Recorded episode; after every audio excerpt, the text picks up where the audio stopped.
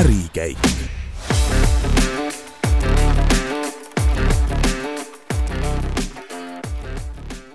tervist, head kuulajad ja eetris on meil nüüd äh, Geeniuse esimene podcast Ärikäik. saatejuhtideks on Gert Avasalu, mina ning äh, Berta Kortfelder ja külas on meil täna Pavlova kohviku omanikud äh, Olga Danilova. väga meeldiv. Ja Erika Scholler. tere, tere! Pavlo alustas siin hiljuti esimese Eesti toitlustusettevõttena frantsiisiäri Vilniuses ja jutu järgi plaanib laieneda isegi veelgi kaugemale, kaugele-kaugele Eestist. aga enne kui sellest rääkida, siis võib-olla nagu neile, kes pole kursis äh,, siis kuidas tuli üldse selline idee sellele Pavlova koogile ja sellele keskenduda ja selle ümber nagu oma brändi ehitada? Ma tahtsin kõigepealt öelda, et see on suur au olla siin esimesena teie podcastis, meil väga meeldib, et just meie sattusime siia. Pavlova kohviku idee tekkis äh, umbes kuus aastat tagasi, kuus pool, siis kui mina supertordi kondiitrina käisin presidendi vastuvõtul äh, kooke pakkumas. Ja siis ma nägin, mis äh, kui populaarne tegelikult see Pavlov on. Ja siis ma hakkasin natuke uurima, kuna mu see on mu lemmik äh, dessert või magustoit, siis ma hakkasin uurima natuke restoranidest oma tuttavate käest, mis oleks nagu neie, nende lemmik dessert ja siis igal pool ma kuulsin, et siis kui Pavlov on äh, menüüs, siis on kõige paremini dessert, minev dessert. ja siis äh, oli mõte, et selleks ajaks ma olen juba kümme aastat olnud äh, tortidest nii-öelda, tegin pulmatorte, eritellimustorte, igasuguseid. Ja siis ähm, kuna see töö nõudis väga palju nagu oma ette, nagu panekut töösse ja oma magamata ööd ja nii edasi, on ju, siis mõtlesime, et midagi muud on vaja. ja siis tekkiski idee, panen kuskil linnas putka, kus on ainult Pavlova ja, ja siis, siis äh, oma valikul klient umbes saab valida oma marju ja siis panna vahukoor ja nii edasi. ja minu kogemus näitas see, et, et äh, inimesed hindavad tegelikult kvaliteeti. Ja ideeks jäi see, et kui inimene mõtleb Pavlova koogi peale või Pavlova desserdi peale, siis ta mõtleb minu kohviku peale.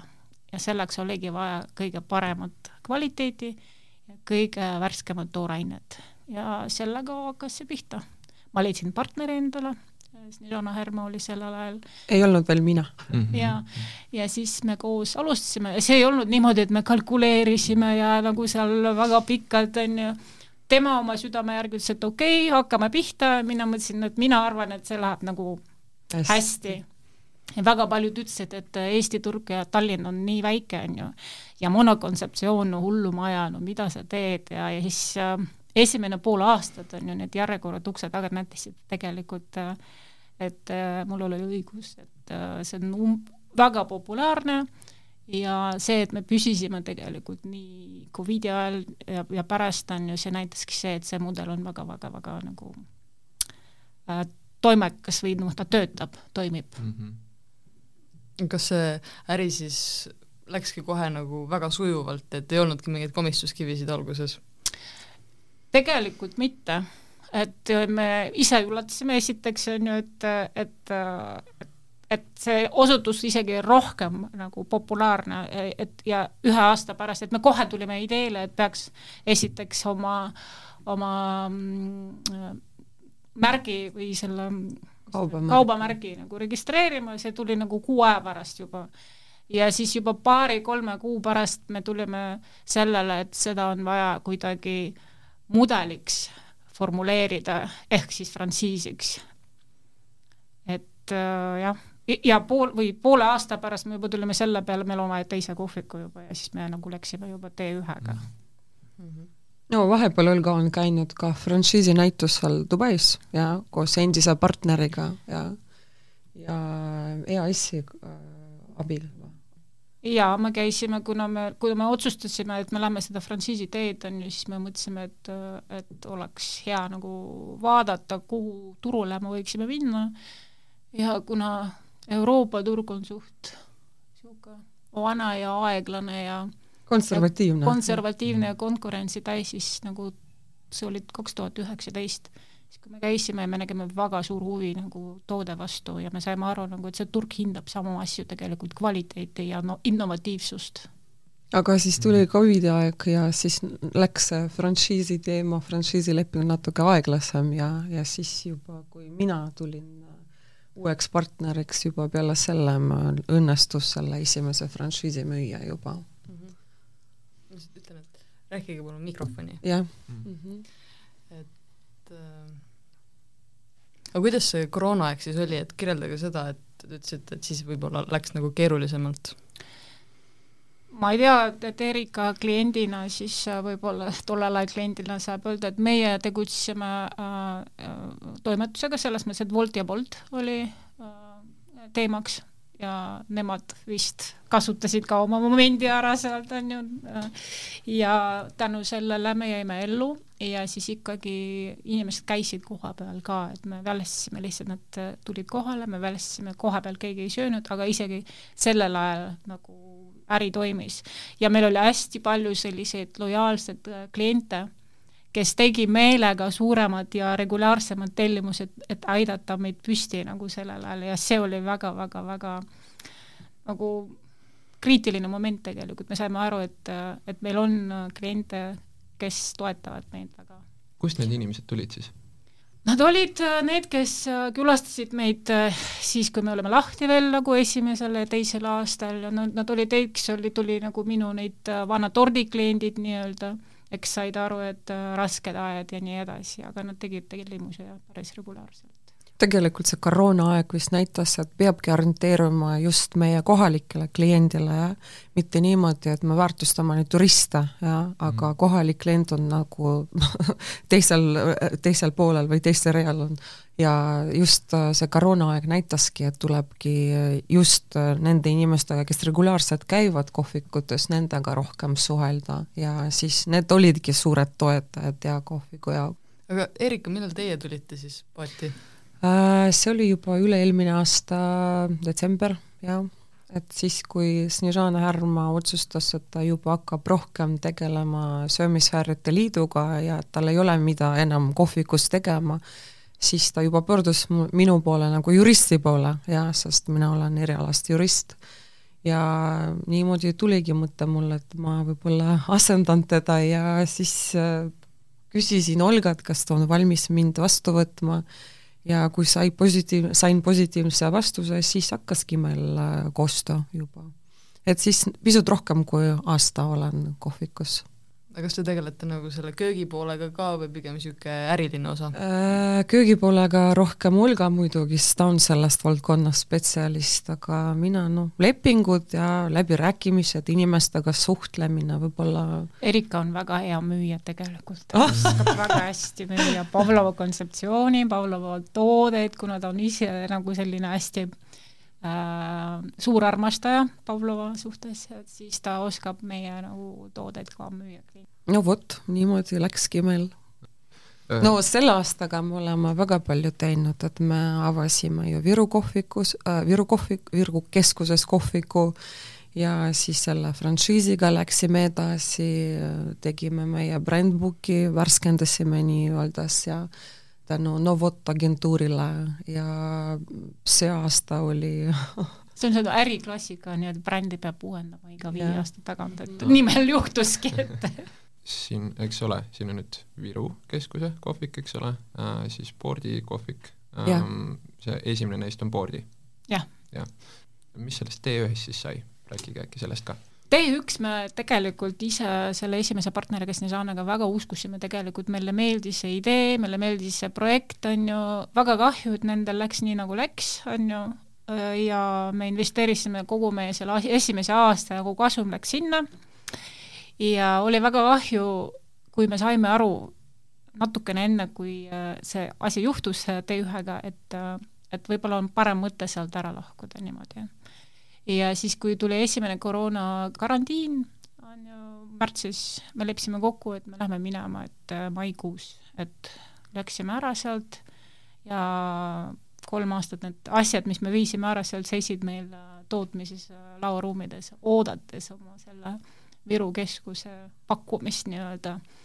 aga kahju, et läks niimoodi, see oli väga hea õppetund, me jällegi, kuna kohviku ehitamine ei ole kõige lihtsam protsess, on siis me jälle iga järgmise kohviku me õppisime midagi juurde. et see oli selles mõttes hea kogemus, mis maksis meile raha, aga õppetund oli tasuline. oli tasuline, aga nagu see oli seda väärt, on ju, et me saime aru nagu, kuidas toimetada suures äh, äh, keskuses nagu müügikeskuses või, või, või ja siis äh, ka seda, kuidas planeerida tööd seal ja kuidas ehitustööd planeerida ja nii edasi, on ju, et ja kuidas läbirääkimisi nagu pidada. keskusega pidada, see ka on omaette kunst ja mm -hmm. nii edasi aa, nii et see ongi nii-öelda õppetund Viru Keskuse jaoks? just, see läks väga kasuks meile pärast. no Viru Keskus on ka eraldi teema selles mõttes, et see Toidu tänav on ju esimene Eestis ja ja nende jaoks on väga palju asju, mida nad äh, esimest korda elus ka teevad, et seda kogemust veel Eestis ei ole ja kusagil seda võtta ei ole et me oleme ka seal nagu eestvedajad ja teiste restoranidega, kes proovivad absoluutselt kõike, kuidas need toidutänavad siin Eestis võivad töötada, kas üleüldse tuleb veelgi, veel mingi teine toidutänav Eestisse või mitte ja ja probleeme oli üsna palju algusest, aga nüüd juba enam-vähem kõik on selge, kuidas seal tuleb opereerida, kuidas tööd tuleb korraldada ja mm -hmm. aga kuidas üldse on nagu seal Toidutänaval äh, om-, restoranide omavahelised suhted nii-öelda, et see tundub üsna niisugune kommuuna mulle uh,? suhted on üsna head meil tegelikult, sest me üksteist toetame ja konkurentsi meil sees ei ole tegelikult, sest äh, me näeme, et me kõik oleme nii erinevad ja, ja kõik need restoranid, mis äh, sinna olid kutsutud, need on tõesti väga populaarsed, igaüks oma valdkonnas, ütleme niimoodi ja need inimesed, kes restoranidega seal tegelevad, need, nendel on see suur armastus ja et see valik on väga õigesti, oli tehtud äh, Viru Keskuse poolt, keda need sinna kutsuti ja, ja meil on, ma ei tea, mul on väga hea olla seal tegelikult ja et me näeme, et me võime seal areneda ja Viru Keskus tagab meile nii-öelda seda people flow'i ja et äh, seda alati on noh, inimesi, keda me võime teenindada ja ja Viru Keskus enda poolt teeb väga palju selleks, et uusi kliente meile veel tuua ja et nad reklaamivad noh, meid väga hästi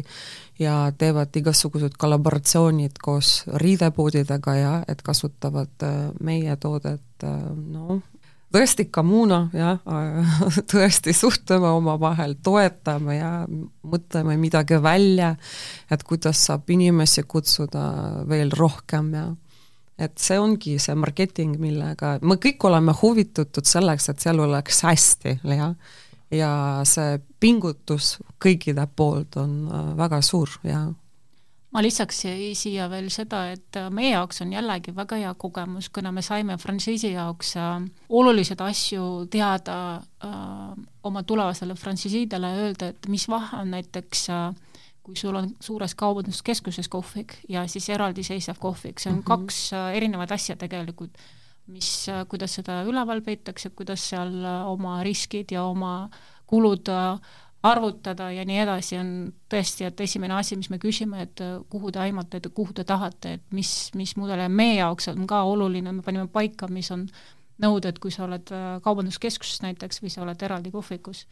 et see on jällegi niisugune hea kogemus saada, enne kui me lähme laiemaks, et suur unistus muidugi, et minu esimene äh, sõnastus oli, et me oleme Starbucks, noh, nagu, nagu Starbucks, aga, aga dessertide maailmas, kui te vaatate tegelikult nagu üle maailma, välja arvatud neid donutsid, on ju, ei ole sellist kohta, kus sa tuled äh, kohvikusse ja sulle tehakse koha peal seda, et meil tavaliselt kõik asjad on ette valmistatud, parimal juhul äh, ahjus midagi sulle soojendatakse, on ju.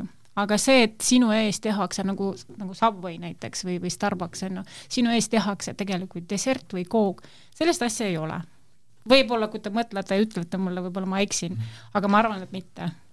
ja muidugi meil on suured plaanid võib-olla te natuke seletaksite seda frantsiisi kontseptsiooni, sest et ma arvan, et eestlastele on see niisugune pigem tundmatu asi, kuna meil näiteks ei ole niisugust asja nagu Starbucks frantsiis, Erika võib-olla pärast juriidilisel pool nagu midagi lisada, frantsiis on ähm, asi, üks viis, kuidas, kuidas oma äri kas püstitada või siis laiendada, kui me, kui me räägime nüüd äh, frantsiisi looja poolt, on ju, see on üks kiire ja suht ohutu viis laiendada, kuna meie oma äh, ütleme, rahalised panekud ei tee kuskil mujal, vaid müüme neile mudelid ja äriprotsesse ja, ja mm, kaubamärgi.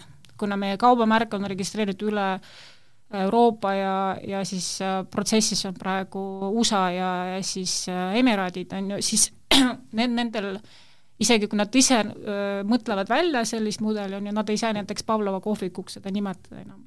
ja me müüme neile oma oskusi, teadmisi, retsepti teatud, teatud nagu tasemel, mitte kõike me ära ei anna. aga inimesel, kes ostab seda frantsiisi, tal on lihtne, kui näiteks, ma ei tea, keegi on raha kogunud, tahab oma mingi äri, näiteks Erika unistus oli oma kohvik. ja kunagi, jah ja siis jällegi oma kohviku tegemine või restorani loomine on suht raske, kui sul ei ole kogu, kogemust, on ju, kui sa ei ole selles väga kaua olnud. ja frantsiisi ostmine on lihtne võimalus oma raha investeerida ja siis võib-olla oma unistus kätte saada, et ütleme kohviku näol. sul on kõik valmis, sulle antakse kõik toorained, me käime kohal, me valime ja, ja aitame oma frantsiisiid äh, leida õigeid asju, mis paneks nagu, kui näiteks kohalikul turul ei ole sama suhkrut või sama, ma ei tea, masinat koort, või jah. koort, on ju, siis me aitame leida õiget kohta, õigeid tooraineid ja nii edasi.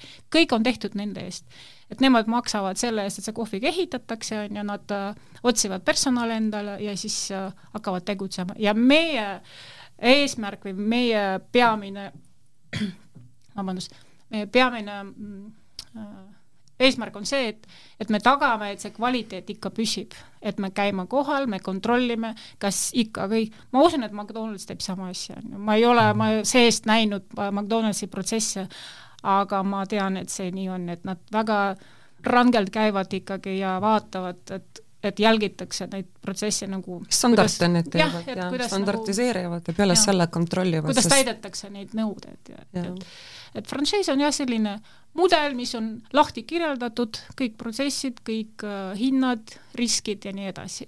no mina natuke ei nõustu Olgaga selles mõttes, et, et see ei vajanud meie äh, rahalisi investeeringuid, sest tegelikult vajas ja sest äh, ainult iseenesest selle frantsiisilepingu koostamine maksab ja siis selle brandbooki tegemine ei, ma rääkisin sellest, kui sa ava, avad kohviku, ei, kui, kui sa kui sa nii-öelda kirjutad seda frantsiisi nagu, nagu dokumentide pakk või siis kui sa hakkad kirjeldama, muidugi see frantsiisi loomine maksis meile üle kahekümne tuhande euri tegelikult, isegi rohkem. Mm. -hmm et see, see, see turu-uuringud ja nii edasi, see nagu see nõuab investeeringu, ma mõtlen, ei ole nagu otseseid investeeringuid koha peal kohvikusse. seda ei ole nagu jah, aga see eeltöö, mida ja. oli vaja teha, tegelikult esimene oli, oligi see leping, kus on lahti kirjutatud kõik protsessid, standardid ja nii edasi. manuaalid on ju. manuaalid ja, ja kuidas välja näeb üks kook, kui palju ta kaalub ja mida, kui palju peab seal olema, kuidas, millised on retseptid ja nii edasi.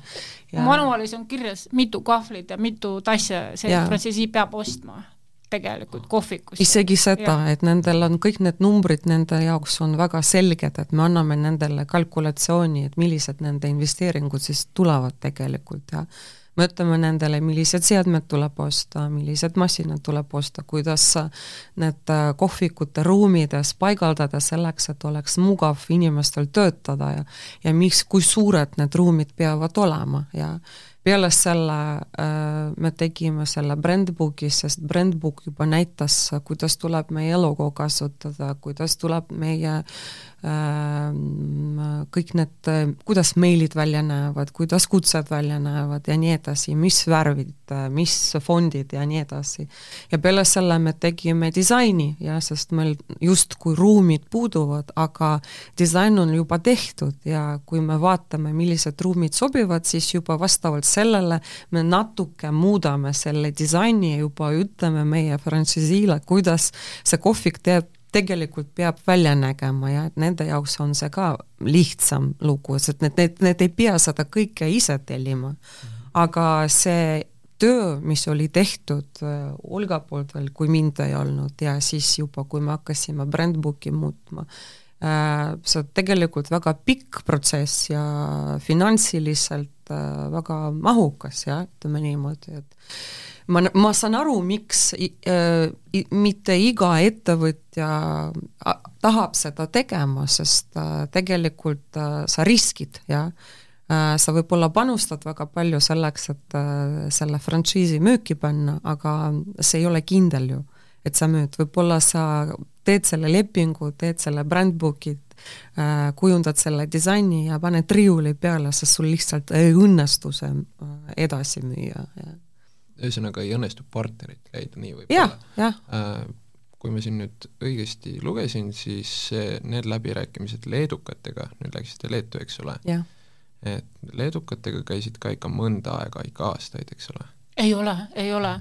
see mm. oli tegelikult äh, jällegi, tahtsin öelda veel, frants-, frantsiisiks saab panna või, või kirjeldada ükskõik mis äri tegelikult. Kas on verevõtmine labor või siis mingi kunstipood, ükskõik, kui sul on selge idee, kui sul on lahti kirjutatud protsessid, sa tead väga hästi, ükskõik mida, raadiosaatja nagu võib-olla nagu frantsiisiks äh, kirjeldada, see, see on, see on lihtsalt ärimudel, mis sa kirjutad ja mis toob sulle raha ja leedukatega on tegelikult oli see, et kui kohvik müüs meid ennast, et nad tulid Viru keskuse kohvikusse, nägid, nendele väga meeldis, nad ütlesid, kas te, kas te müüte frantsiisi? Kuna tulid... nendel oli kogemus juba frantsiisiga. Nendel on enda äh, inglis äh,, inglisekeelne kool, jah, äh, ja see on ka avatud frantsiisi alusel ja selle, Eestis on meil selline nagu English Pingui School, need Liivalaia tänaval asuvad mm. -hmm ja Vilniuses on nendel samasugune kool ja need käisid äh, nagu kogemuse vahetama ja Eesti partneritega. ja peale selle tulid Viru keskuses nägid meid, proovisid Pavlovat ja juba peale selle kirjutasid meile, kas me ei taha laieneda või kas me müüme frantsiisi. ja siis juba toimus kohtumine nendega ja need olid suts-, tegelikult väga kiired jah, et kui need said juba sellest äh, mudelist kõike aru, juba peale meie esimese konsultatsiooni nendega, need läksid tagasi koju ja juba nädala aja pärast kirjutasid meile, et nendel on juba ruumid leidnud, et need äh, võtavad selle riski enda peale ja tahavad kohviku ikkagi teha ja me läksime Olgaga sinna, käisime Vilniuses, ütlesime nendele, et need ruumid nendele ei sobi ja et nad peavad edasi otsima, sest tegelikult äh, need olid äh, heas asukohas, aga see sisemine plaan oli väga halb ja ja mõtlesime nendele, et äh, selliste ruumidega lihtsalt äh, kitsendada oma võimalused müügiprotsessiks, et teil järjekorda ei ole, järjekord ei või siin seista ja aga me loodame selle peale, et järjekord ikkagi tuleb teil ja te lihtsalt peate midagi muu välja mõtlema. ja siis nad hakkasidki edasi otsima ja saatsid meile uued plaanid ja see koht, kus on need praegu, see on ideaalne koht selleks, et äh, äri areneda ja, ja korraldada absoluutselt kõik protsessid nii, nagu selle meie ärimudeli äh, jaoks on vajalikud, jah.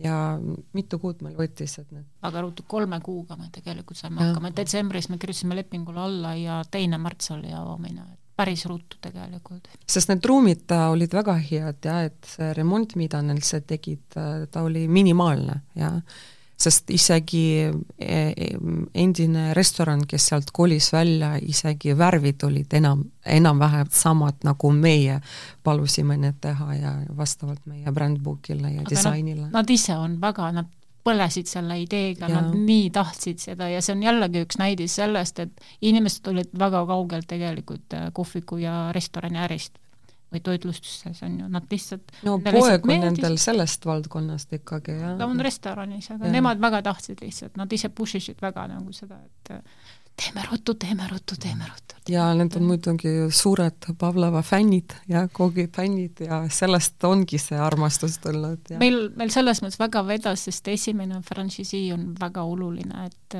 et kui kui, või mitte kui, aga siis, kui nendel läheb hästi, siis nemad müüvad meid tegelikult edasi veel, on ju, et äh, nad ütlevad, kui edukas see mudel on, kui hästi see äh, tasub ära, kui ruttu see tasub ära ja nii edasi, see on väga oluline, kes on esimene frantsiisi. Need on väga tublid, me võime öelda niimoodi, et jah, see avamisprotsess näitas, et on, need on juba äh, piisavalt targad selleks, et aru saada, kuidas see kõik töötab ja äh, õpivad väga kiiresti.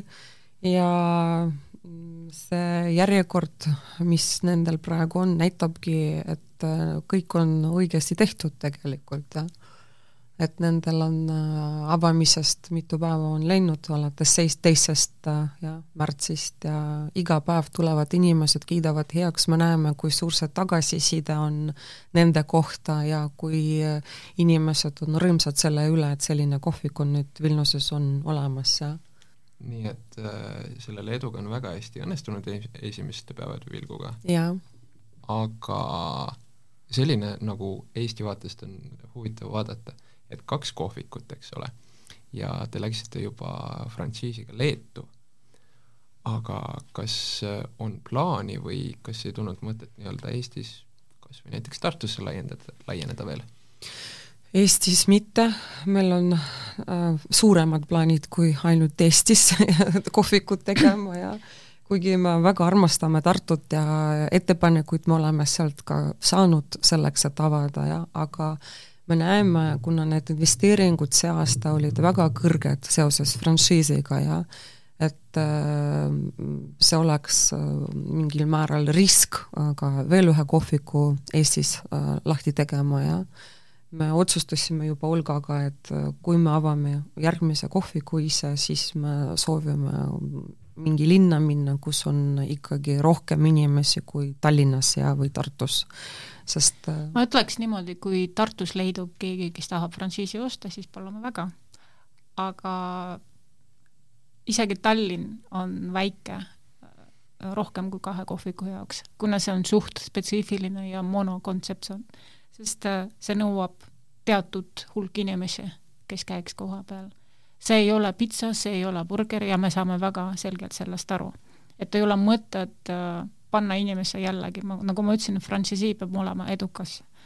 et kui keegi avab äh, kohviku meie frantsiisiga, ei ole edukas, on ju, siis äh, see on meile nagu tegelikult äh, kahjum. et kui Tartus leidub keegi, kes tahab oma näiteks kohvikule panna Pavlova sildi ja siis lisada näiteks oma kehtivale või eksisteerivale ärile Pavlovad ja anda nagu nii-öelda lisaväärtus sellele, ja rohkem äh, äritulu, noh, siis, siis küll, siis küll. aga nullist äh, Tartu on liiga väike. aga kui ta siis, kui Tallinn on nagu niisugune isegi väike linn, et siis mis, mis suurusest me räägime, et kuhu võiks nagu teie laieneda, mitte frantsiisina, vaid oma nagu kohvikutena? et noh, kas näiteks Helsingi, Stockholm? meil on praegu kaardi peal Dubai meil on tegelikult ka Dubai jaoks kõik tehtud, me juba käisime seal kolm korda, käisime näitustel, jah, äh, leidsime juba kõik need äh, toorained, mida meil oleksid vajalikud, leidsime kõik, kes müüvad meie masinad, seadmed ja nii edasi, juba organiseerisime seal firmad, juriidiline keha on meil juba seal olemas arved on lahti tehtud, kõik ootab ainult, ruumid ootame, sest äh, seal on muidugi väga suur konkurents ja selleks, et mingi kaubanduskeskusse minna, järjekorrad on umbes kolm kuni viis aastat. sest see turg, äh, sest äh, nende elu käibki tegelikult kaubanduskeskustesse, see õues on nii palav, inimesed lausa ütleme niimoodi, hommikust õhtuni võivad äh, keskuse sees olla, sest nende keskused on mingi muu mudel kui ütleme, Tallinnas siin või Eestis üldse ja nendel on seal ujulad, uisuplatsid ja nii edasi ja et inimene võib sinna sisse minna, et kõige suurem äh, see Dubai Mall on kõige suurem seal Dubais ja, ja ta on üks, tegelikult kõige suurem maailmas suurim üks, maailma, maailma suurim kaubanduskeskus on Dubai mall. üks koma kaks miljonit ruutmeetrit tegelikult, see on selline number ja nagu et ja iga päev sealt käib üks miljon inimest. üks miljon päevas. inimest päevas külastajat ah,. nii et see ongi põhimõtteliselt sinna laienemine on nagu suur sellesse Äh,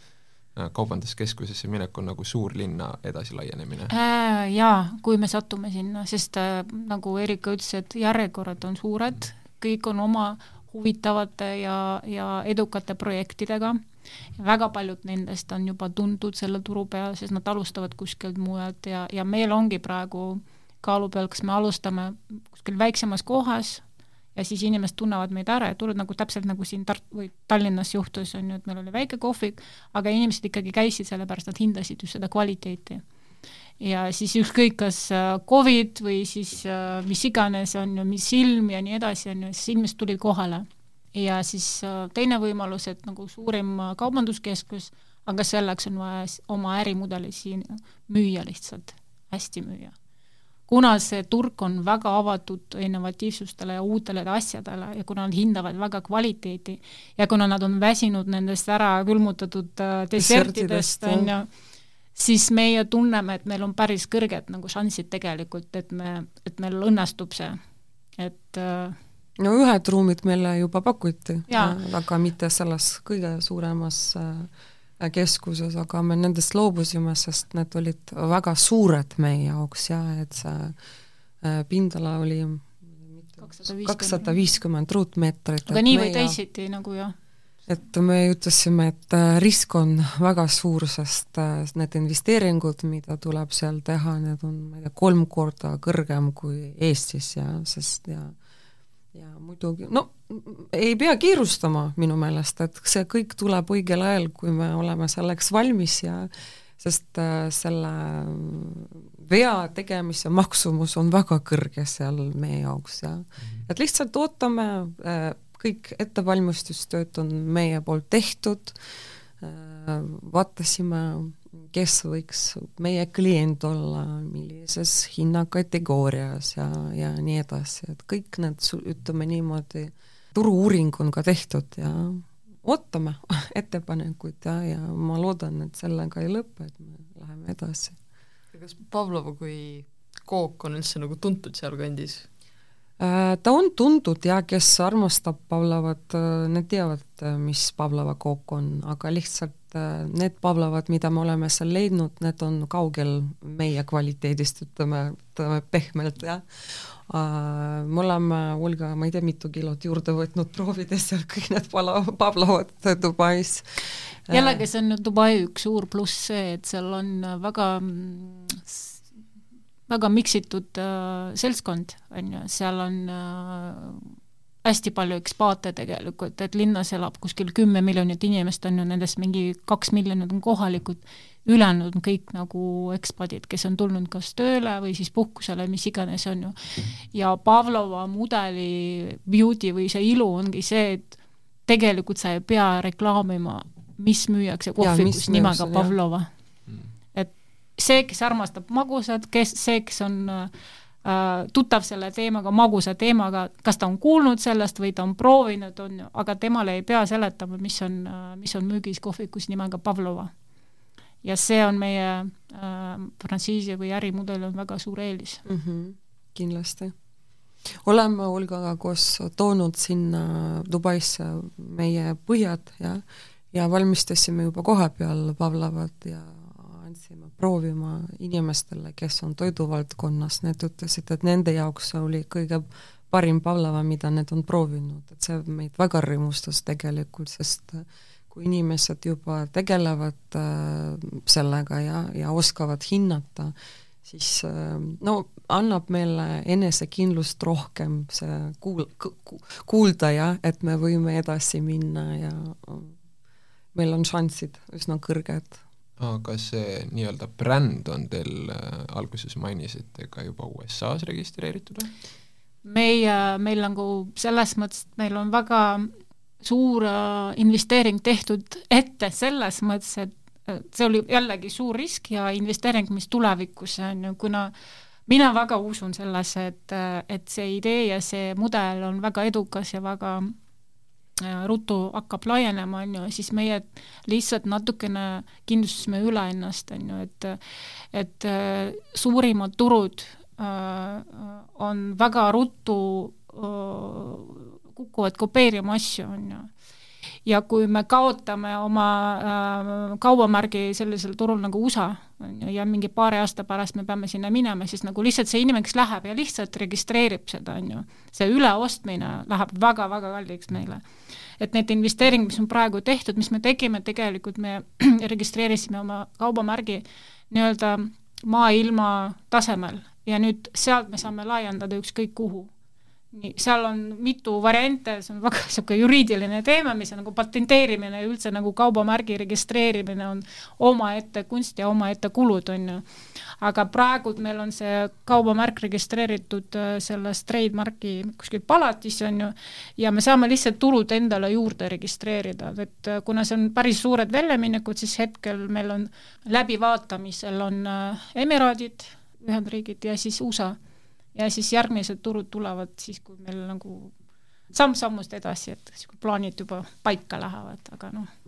imestasime, et meilt küsiti ka Ukrainast äh, kohviku no frantsiisi ostmise teemal, ma olin nii šokis, et inimesed ikka, sõda käib, aga inimesed ikkagi elavad edasi ja midagi planeerivad, et jah, hetkel on meil läbirääkimised hetkel Lvovi linnaga ja no seal ei ole nii suurt sõda, aga ikkagi jah, et selles mõttes, et inimesed elavad stressis ja šokis, aga elavad edasi ja tahavadki turule minna.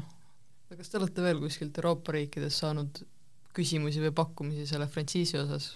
Kogu aeg tegelikult küsitakse, et Portugal on, Inglismaa on hästi sellised äh, Soomest, soomlased on ja see enne, eriti enne Covidi, praegu on just nagu see esimene aasta, millal tegelikult läks nagu see asi nagu lahti igal pool nagu Saksamaal ja Euroopas on inimesed nagu tulevad vaikselt oma tavaelu tegelikult. Saksamaal detsembris vist pidi olema maskides olema, nii et äh, transpordis, et niisugune täishoos nagu hakkas asi, on olemas äh, turud Euroopas, mis üldse ei ole nagu selle desserdi jaoks sobilikud, nagu Saksamaa, nemad rohkem oma selle kringli ja britseli ja niisugune leiva puhul on ju, nendel ei ole. aga on olemas sellised turud, kus Pablo on väga hästi nagu levinud, et Portugal on väga imelik, aga tegelikult kõik teavad nagu, mis asi, mis asi on Pablo Portugalis ja siis muidugi London on ka üks ja Suurbritannias ikkagi niisugune suur linn, mis äh, pakub äh, võimalusi ja meil ongi plaanis, et me läheme frantsiisi näitusele äh, see aasta sügisel, inshallah.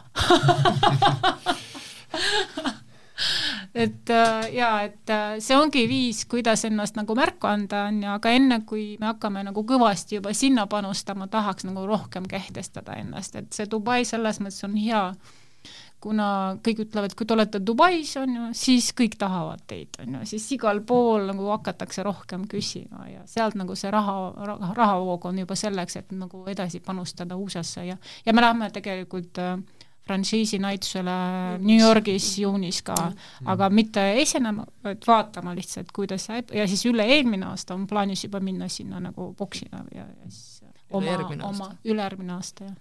et see aasta käime ära, on ju või järgmine aasta, jah, kaks, kakskümmend neli.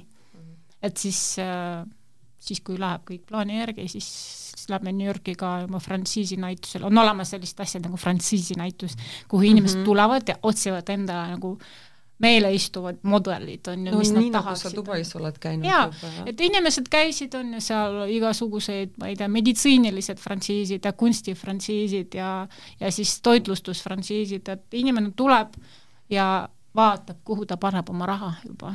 et ta tuleb nagu selle eesmärgiga. on sellised inimesed, kes tahavad kusagile oma raha panna ja et see selles mõttes, et, et, et näitused on üks viis nagu oma frantsiisi müüma ja laiendama teine asi on muidugi need äh, kodulehed, nad on vähem populaarsed, aga tegelikult see on ka üks teine viis, kuidas. ja muidugi igas kohvikus meil tuleb niisugune silt, et meie frantsiisime, et meil on olemas frantsiis, et et inimene, kes tuleb ja kellele meeldib see idee ja mudel, on ju, siis ta kohe võtab ühendust. no okei okay,, tegelikult on hästi loogiline, kui te käisite Dubais näitusel, eks ole, et sealt leidis keegi teid üles nii-öelda, et sinna on siis lihtsam minna või näiteks kui nüüd lähete äh, Äh, Ameerika maale nii-öelda ennast näitama, et siis sealt ka äkki keegi leiab, kes äh, soovib nii-öelda seda sinna viia, frantsiisi. aga kust leiavad ähm, no ütleme, mis siin pakkumine oli, Portugalist ja Ukrainast, Lvivist, et kus need inimesed teid üles leidsid? Viru keskus. Ja Viru keskus müüb Viru väga keskus hästi müüb väga hästi meid selles mõttes, et kuna seal käib äh, näiteks praegu seal käis väga suur äh, konverents, on ju, et inimesed tulevad, on ju, ja siis Toidu Elavad, tänav ja ja- et nad näevad, et ja küsivad ja, ja, ja, ja see müüb iseennast väga hästi, see kaubanduskeskus on väga hea koht olla, et äh, kus, kus oma brändi müüa. Kas Tallinnas või Eestis üldse paremat kohta oleks? Äh, ma arvan, Tallinnas ei ole, eriti kui see on selline, sellise Toidu tänava projekti osa, sest äh, seal on, inimesed tulevad sihilikult äh, sööma ja siis äh, õhtud veetma näiteks, on ju, näiteks seal on suur terrass, on ju, kui me räägime veel ühes suures äh, kaubanduskeskuses, me nagu mitu korda oleme palunud sinna, aga meile öeldi, et ei ole ruumi, see on teine edukas äh, kaubanduskeskus ja, ja siis me küsisime, et andke meile ruume, et äh, meile öeldi, et ei, meil ei ole ruume.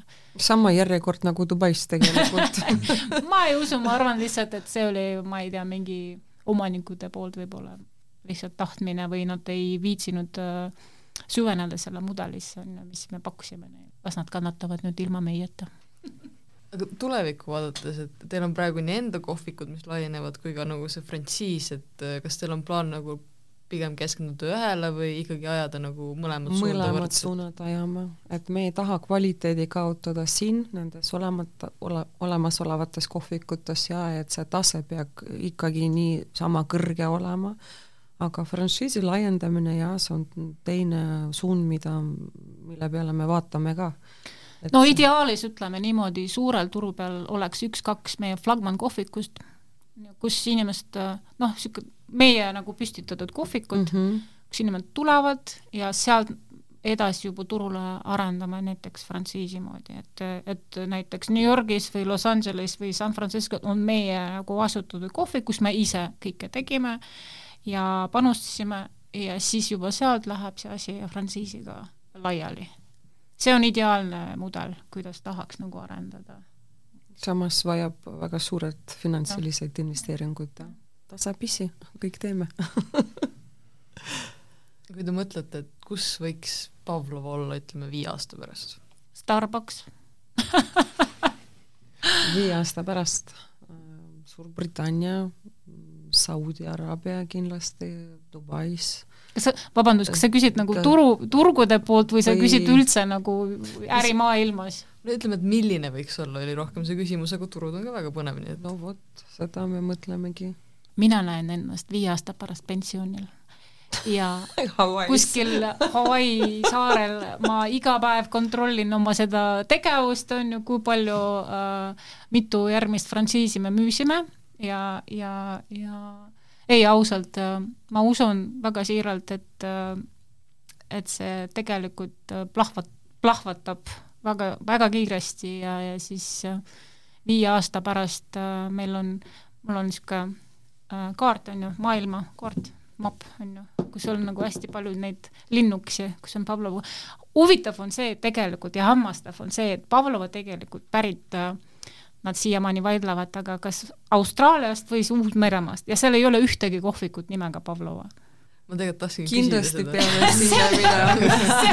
see, on ka üks turg, kuhu me saaksime tegelikult laieneda ja see oleks nagu väga selline huvitav pööre on ju, et tuleb Eestist, Eestist nagu firma, kes püstitab oma frantsiisi ärinimega Pavlovga tegelikult maale, kus see pärit on. see oleks küll naljakas minu meelest. Aga miks mitte?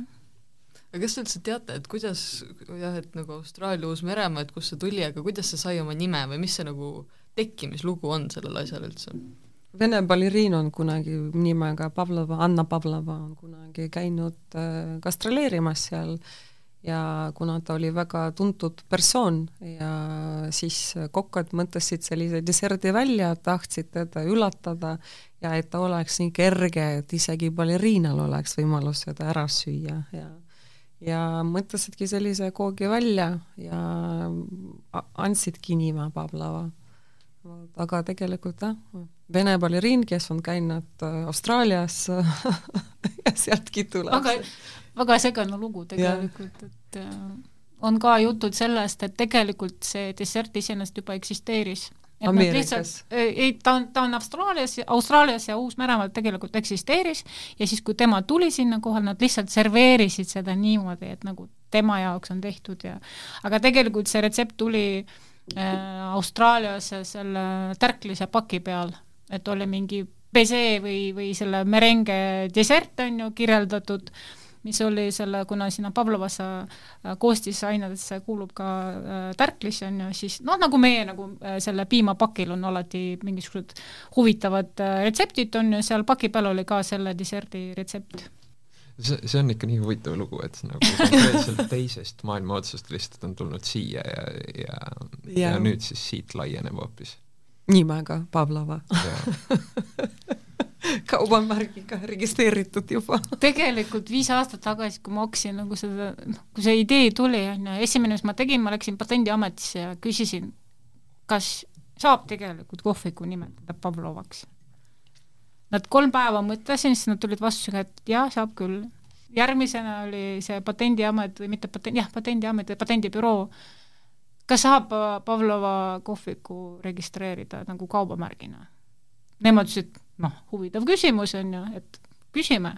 ja siis me andsime sisse ja poole aasta pärast registreeriti ära.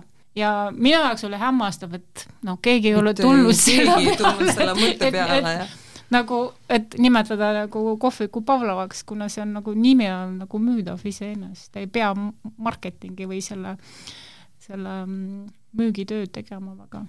Et... turundus nagu oluliselt nagu väiksem no ni-, nimi iseenda kohta juba räägib jah, et selge, mida seal müüakse, et justkui nimetada kohviku croissantiks ja kõik siis teavad, mida aga võib-olla vot ongi punt selles, et nagu croissantiks sa ei saa nagu patenteerida, kui see on ja. nagu common name, ütleme, või common word, et ei saa patenteerida sõna leib või siis äh, piim või mis iganes, on ju, aga Pavlovat saab. see on üks väga huvitav erand tegelikult. piisavalt elitaarne asi võib-olla? noh, ma ei tea kas teil on midagi, mis te ise veel lõpetuseks tahaksite rääkida või?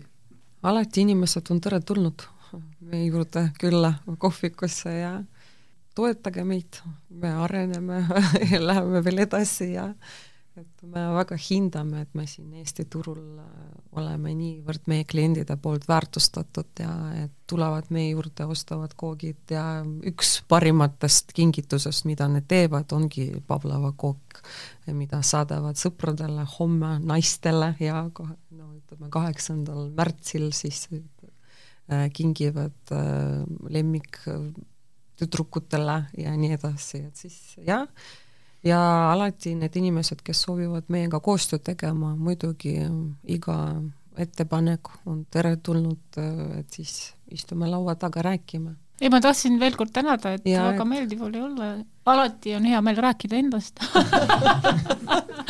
Ja kui küsitakse küsimusi, mis sa tahad nagu väga, kui olime väga pikalt äh, ja laiali siin äh, rääkinud, siis äh, palume vabandust, aga siis jah olete teretulnud meie kohvikutesse ja siis näeme aasta pärast võib-olla kuskil Dubais äkki. hea meelega. see oleks väga lahe tööreis. jaa. anname ülemustele teada, plaanid olemas. aga miks mitte, tulete otse saadet ise tegema nagu meie avamisest Dubaist näiteks. reportaaž. reportaaže jaa, sest äh, tegelikult ma arvan, et see oleks väga suur saavutus ja ei, väikse Eesti jaoks ma arvan, et äh, ilma tagasihoidlikust, me oleme väga tublid. tavaliselt ärimehe, ärimehed mõtlevad ja et see, need investeeringud, mis me teeme, need ikkagi on suunatud arendamisele ja me usume, et kõik õnnestub meil ja läheb nii, nagu me tahame. Äh, võib-olla küsiks selle just Dubaiga seoses juurde selle küsimuse, et nagu kas seal on üldse mingeid Eesti poolt nii-öelda teerajajaid toitlustusvaldkonnas minu meelest mitte just nagu frantsiisiga. me teame tegelikult, äh, et äh, üks äh, ärimees plaanib avada Abu Dhabis, Abu Dhabis üks restoran, restoran. Ja Eesti on olnud väga edukas EXPO-s tegelikult ja, oma, oma selle toidu osaga. Mm, -hmm. on ju, ja sealt nad otsustasid, et nad asuvad restorani tegelikult Abu Dhabis aga kahjuks äh, me ei ole tagasi kuulnud tema käest, me vestlesime tegelikult ja rääkisime, et et inimesed tegelikult äh, aitavad seal neid ja EAS oli väga abivalmis ja ja Urmas äh, oli ka nagu üks nagu see inimene, kes kellel on plaanis seda restorani avada, oli ka väga abivalmis. aga sellist nagu just frantsiisiga ja, ja kohvikutega või restoraniga, seda me küll ei tea. Miks on väga huvitav, et tegelikult siis, kui me Dubais oleme, inimesed väga palju meid aitavad ja et need kõik ütlevad, et oli see hetk, kui me kõik siia tulime ja me oleme valmis edasi näitama, et kõik on võimalik, jah, et kui te tahate, siis me kindlasti anname teile informatsiooni, äh, viime inimestega kokku teid ja panustavad väga palju selleks, et meil, meie unistus oleks juba mitte unistus ja vot nii. et jah, see mm, mõtlemise viis äh, inimestel on äh, selline, et need on avatud selleks, et Äh, toetada ja et äh, näidata, millised võimalused on, tõesti väga palju äh, veedavad meiega aega koos ja näitavad, et millised meie võimalused on. kas te teate Eestis, kes on meil frantsiisiga hästi ammu ja hästi edukalt arenenud tegelikult? teate, kes see on? frantsiis on Eesti frantsiis, aga see ei ole välismaale läinud. mingi Reval Cafe äkki mm? -mm. Peetri Pitsa. Peetri Pitsa ah,. Peetri pitsa on nagu väga edukas frantsiis tegelikult Eestis, et äh, ma ei tea, miks nad ei ole, võib-olla on, ma ei tea, Soomes on neid. Aga jah, nad on üks esimestest Eesti toitlustusvaldkonnas frantsiis, et mis vot, igas linnas ja päris mitu, nii et kui on, siis andke meile teada. tahaks tuttavaks saada. küsida. küsida, küsida paar asja, jah ja. ja.. aga selles mõttes, et meie poolt aitäh tulemast aitäh teile kutsumast. täname kutsumast, jah